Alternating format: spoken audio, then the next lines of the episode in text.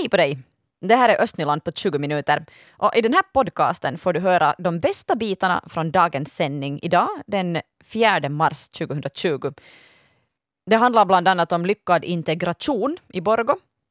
Så får du träffa bandydomaren som ska till Irkutsk i Ryssland och döma VM-matcher. Och så får du träffa Aron Syrje som är 15 år gammal från Borgo och han ska ha huvudrollen i en helt ny serie som kommer på arenan nu på fredag. Aron Syrje, god morgon. God morgon. Aron har alltså, han ska spela huvudrollen i en ny tv-serie som har premiär på arenan nu på fredagen. Den heter Virala genier och den, den är gjord av uh, Ted Forsström och Kai Korkeaho och den baserar sig på deras böcker som handlar om Atlas som går i åttan och hela hans crazyga högstadievardag. Och tänk Atlas, äh, Atlas kallar jag det för tänk, tänk Aron. Det är inte första gången som det händer. No, jag antar det. Ja. Tänk Aron att du som är 15 år gammal och går i Strömboska skolan i Borgo har fått den här huvudrollen. Ja, det är nog jättecrazy. Och det där, jag är nog jättelycklig för det. Ja. Att jag fick den här chansen. Det var så att, att på skolväggen så hängde ganska länge en lapp där det stod Jo. ungefär vad då? Det stod att vill du vara med i en ny tv-serie och sen var det, no, var det nog just att gå till den här sidan för att få mera info. Och det var liksom nu, jag gick nu flera gånger förbi den och tänkte att ska jag nu, ska jag fara med i eller inte? Men sen i något skede så tänkte jag att, no men why not? Att inte förlora jag nu något med att försöka. Och så gick jag med dit. Och så det där, Du får alltså på casting eller vad? Jo, eller? jag får på sån här Ja. provfilmning där Ja. till Grand i Borgo. Och det där, det var min kompis ena som for där före. Som for liksom en timme före mig ungefär. Jag får liksom efter skolan och hon får under skoldagen. Sen genast när hon kom så började jag fråga vad, vad frågade de? Vad, vad gjorde du? Vad ska man göra? Men det var just så att det var ganska olikt för varje person. Att vissa hade jättelånga sådana provfilmningar, vissa hade korta. Beroende på just att, att de, hur mycket de ville veta. Att om det var en passlig så kanske de prövade lite mer och sånt. Mm. Men om kanske om de märkte att det här är inte riktigt passande så kanske det blev lite kortare. Mm. Men jag är inte riktigt säker. Men visste du genast att du provfilmade för, för huvudrollen? Nej, det alltså jag visste för, för det där första provfilmningen var riktigt sådana bara perussaker. Att jag liksom just här lite improvisation och berätta om mig själv. Men sen kom jag vidare till andra rundan då jag fick ett par scener som Atlas. Och det där, jag fick då spela de scenerna där inför de där casting. Men det var roligt för det där, för min kompis, jag hade inte läst boken då ännu före andra rundan. Och det där, min kompis, så frågade jag vem är nu Atlas då? Så min kompis sa jo han är huvudrollen. Så jag sa att jaha, no, men då börjar vi lite koncentrera oss på det här Ja. castingjutton. Så började jag öva bara så mycket som jag kunde på den där just replikerna på det bästa sättet som man skulle kunna säga just alla dem och göra den scenen. Och så for det bra och så fick jag den rollen. Så fick du den rollen. Och nu har Ja. ni spelat in och nu kommer den här virala genier-serien att komma ut. På arenan har den premiär Japp. på fredagen. 12 avsnitt, 10 Ja. minuter var ungefär. Så jag antar att du är kändis redan där bland dina kompisar i, Ströhö. Nå, in, bland mina kompisar ja, liksom, för jag har nog berättat dem och de är jättelyckliga för det och de stöder mig allt med det. Men inte nu kanske bland sådana som jag inte känner så inte vet jag. Inte nu ännu kanske. Inte nu ännu kanske. Men du har, du har ju skådespelarambitioner. För att jag, jag förstår att du har varit med i, i Buffens teatergrupp, har du varit med och så har du um, spelat teater i skolan också. Ja, ja, ja. Vi har haft, jag har drama i skolan också och vi har varit med i sådana här teaterpjäser. Riktigt bara Ja. sådana här frivilliga på typ vårfester och julfester och sånt. Ja. Och nu ska du söka in till... Ja, till Kallio. En sån liksom gymnasium för uttryckskonst. Ja, exakt. Det är jättespännande. Vad har du, Aron Syrre, då? vad har du för visioner? Nu, nu, har, nu har du huvudrollen i, i den här serien, och, men vad händer sen? Var är du om tio år? om tio år? Det är nog en svår fråga. Nå, jag hoppas att någonstans att jag har en möjlighet att jobba med skådespel, spel, liksom att skådespela. Och tar det nu riktigt, riktigt liksom, inte vet jag nu exakt vart jag ska vara men jag får nu hoppas att jag har liksom just kanske farit då till Teaterhögskolan och fått, fått liksom sån bra utbildning för skådespelare. Och så håller jag på med det. Liksom. För det är det som jag, liksom, jag tycker att det är min jotto och det vill jag göra jag önskar dig jättemycket lycka till och hoppas du kommer in till, till Kallios, Tack så mycket. Tack. Till Kallios gymnasie här nu, um, nu på hösten.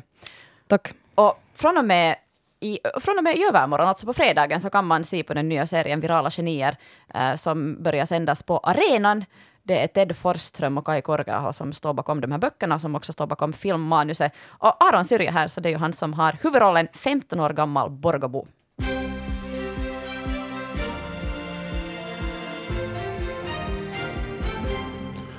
Klockan är halv nio, dags nu för de östnyländska nyheterna med Stefan Härus. God morgon. Det krävs tilläggsuppgifter om bland annat språkbad och elevprognoser innan man i Sibbo kan besluta om hur man ska gå vidare med frågan om Söderkulla skola. Därför bordlade kommunstyrelsen i Sibbo ärendet vid sitt senaste möte. Speciellt vill man syna prognosen för antalet svenskspråkiga barn som föds i kommunen.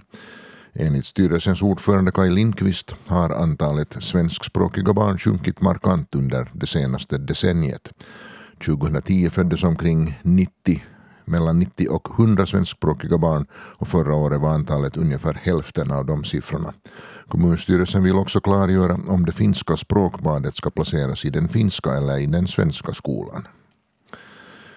I en undersökning som gjordes i januari och februari om bussturerna i Sibbo framkommer att de pendlande Sibboborna vill ha fler bussturer. Tätare turer önskades särskilt på linjen Östra centrum Söderkulla-Nickby mellan Nickby och Kärvo och mellan Nickby och Järnvägstorget i Helsingfors. Man efterlyser också att tidtabellerna bättre skulle synkroniseras med tågtidtabellerna. Likaså önskar man bättre förbindelser till orter utanför HRT-området som till exempel Borgo. Planeringen av busslinjerna till Sibbo fortsätter nu utgående från den respons som kommit in. Det första misstänkta fallet av coronavirus i Borgo konstaterades igår. Det här skriver tidningen Osima. Personen har testats och resultatet borde klarna senast idag på morgonen. Fram till dess är patienten försatt i hemkarantän. Patienter som misstänks ha smittats av coronavirus testas inte i Borgo. Eftermiddagsverksamheten för 250 barn är hotad i Borgo. Orsaken är att Mannerheims barnskyddsförbund i Borgo söks i konkurs. Verksamheten fortsätter tills vidare men det är möjligt att den upphör innan vårterminen är slut. Staden söker nu lösningar för att säkra verksamheten. Det är Borgå stads utbildningstjänster som har koordineringsansvar för eftermiddagsverksamheten för den grundläggande utbildningen. MLLs Borgoförening har meddelat Borgostad om ekonomiska problem och enligt uppgift kommer föreningen att sökas i konkurs. Föreningen har eftermiddagsklubbar bland annat i Strömborgska skolan och i Eklövska skolan. Borgobon Mats-Olof Gustafsson han ska vara domare under herrarnas bandy-VM i Irkutsk i Ryssland nu i slutet av mars. Um, när det blir slutet av Jo, i slutet av mars, absolut. Jag rådde här med månaderna. Alltså mellan den 28 mars och den 5 april spelas herrarnas världsmästerskap i bandy i då Irkutsk och Mats-Olof Gustafsson, han är en av domarna och han ser fram emot en fartfylld turnering och det är Leo Gammal som har pratat med honom. Ja, bra fart, bra stämning, säkert bra turnering. De är, det är alltid roligt att vara på sådana här tillställningar så att säga. Eh, spelskillnader spelskillnaden mellan de här ryska lagen, östlagen och, och, och, och, och väst, är det skillnad liksom när man tittar på de här matcherna? No, vi har ju Sverige-Ryssland, det är ju den bästa matchen som man kan vara med om när de spelar mot varandra, men nu har ju Finland jättebra bättra. De vann trenationsturneringen som ordnades här i Borgå och Vilma Strand, så vann Finland. Då var Sverige och Ryssland med, så det ska bli intressant att se vad Finland får till stånd på det. Men det är ju de tre lagen som... Dömer man någon, vi säger Ryssland-USA, så den är ju, den är ju ingen bra match. Den är ju så ojämn att Ryssland har inga problem med den. Ja, alltså jag har, det här blir tredje VM och jag har dömt de matcherna, så det, det är ändå så pass gentleman dit om vi tar som exempel Ryssland-USA så alla vet ju hur den slutar och så spelar de snällt. Det, svårt att säga, men där är, de respekterar varandra, det händer sällan någonting. Sen ju Ryssland, Sverige till exempel, så där kan hända vad som helst för alla är vinnarskallar och vill vinna. ingen, ingen tycker om att förlora. Det är hårdare bevakning, det är hårdare kamp om bollen. Ja. Allt är hårdare då. Och hårdare fart. Den är otroligt den där farten där är det. Har du dömt en, en sån match? Ja, eh, fem gånger har jag dömt Sverige-Ryssland. Eller Ryssland-Sverige. Jag funderar just om det finns något, fanns något moment i, i den matchen där du måste vara på alltså extra spänn och extra fokuserad. Från minut 1 till 90 år. det måste man vara. Men då måste ju förberedelserna också vara lite mer strängända, stränga eller... Visserligen så tänker du ju flera dagar före de matcherna börjar du redan. Men det där, annars helt normalt. Hur mycket bekantar du dig då med spelarna? De som, alltså laguppställningen och så vidare. För Visst kollar man dem, inte det frågan det, men, men det har inte så stor skillnad egentligen. Visserligen är storstjärnorna bort, så då, men då, då kommer där andra stjärnor istället för dem och så är farten ändå lika hård.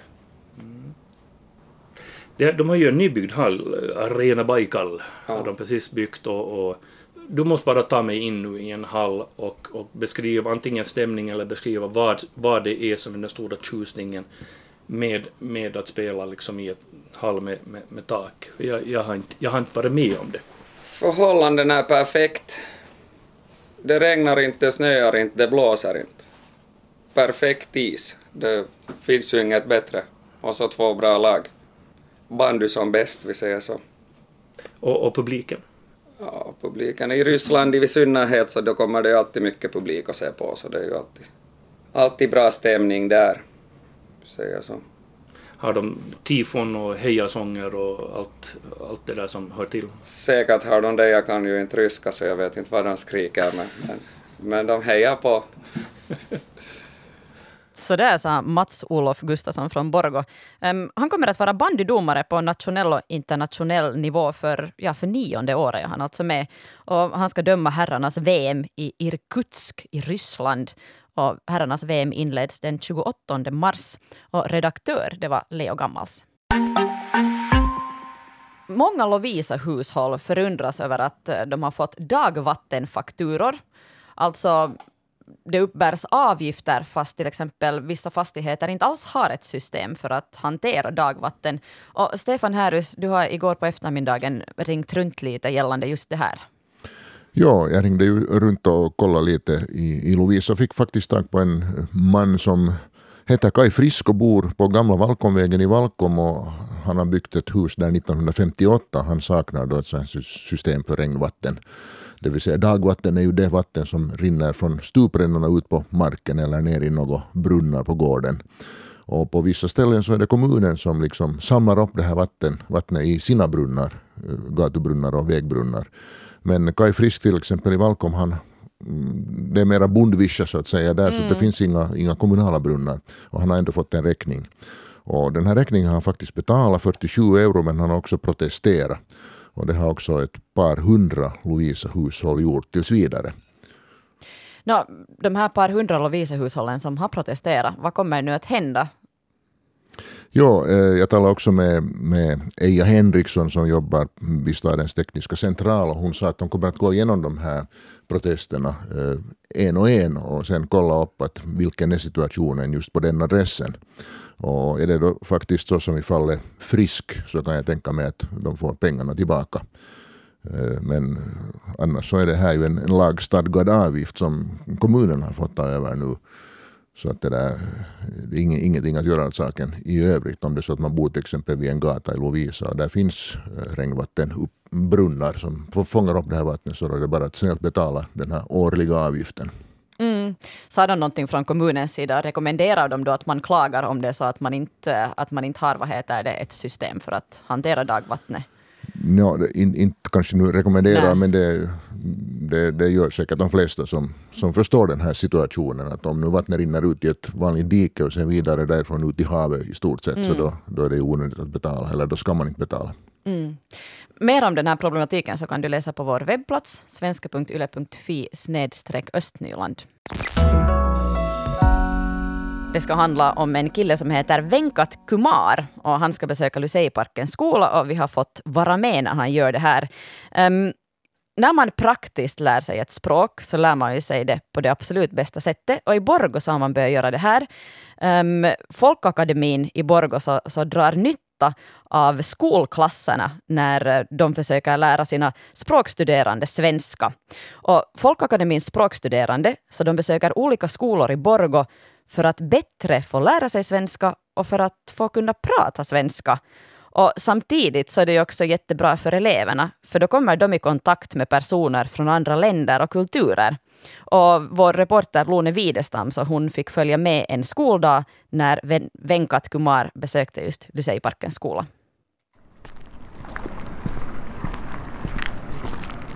Vanligtvis går Venkat Kumar till Borgo folkakademi här i Borgo. Där studerar han svenska på en ettårig linje. Men den här morgonen bär det av till Lyseiparkens skola. En dag i veckan besöker Venkat och de andra studerande högstadieskolan för att lära sig bättre svenska. Trots att han bara har varit i Finland i tre månader kan intervjun göras på svenska. Uh, jag är född i Indien. Uh, jag har växt upp i Belgien och Polen.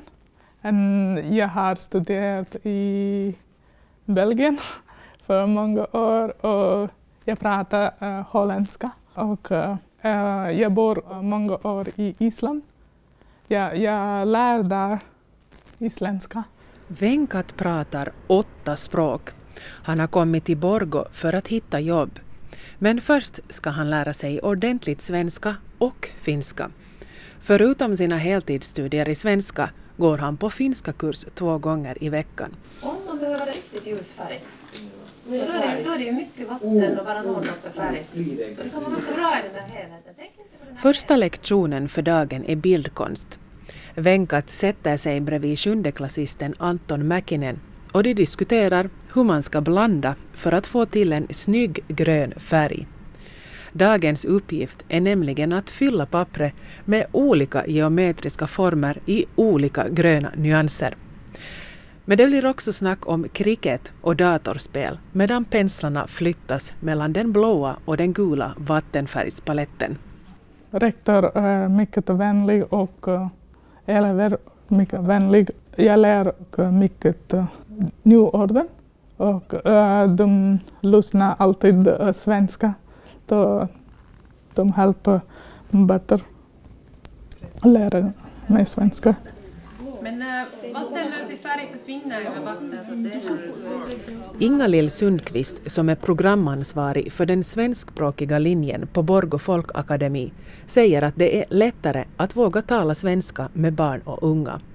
Och många elever i svenskspråkiga skolor har inga naturliga kontakter till personer från andra länder. Idén med besöken är alltså också att högstadieelever ska komma i kontakt med personer med andra kulturer och språk. John Tillman och Emmi Ilomäki går på sjunde klassen och uppskattar besöken. Mest där bakom dit vid matsalen har jag träffat på dem i matkön. Så jag frågar vart de kommer ifrån. Men det kommer jag inte ihåg mer. Det har varit liksom intressant att höra om olika kulturer och sånt här. Det är nog riktigt bra. Då får man lär sig mycket av dem och hör vad de säger och tycker om Finland. Och kul att de hör bra saker. Och så får man höra vad de har gjort i deras land och vad de kan tala, hur mycket språk och allt. Så det är intressant.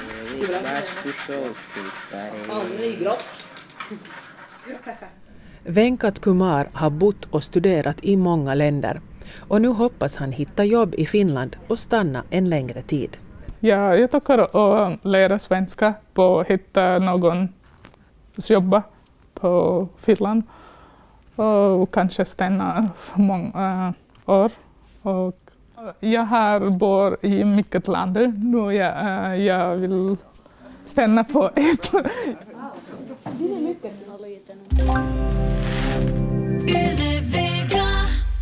Tack för mig. Jag heter Frida Frankenhäuser. Med mig hade jag också Stefan Härus Leo Gammals och Lone Widestam.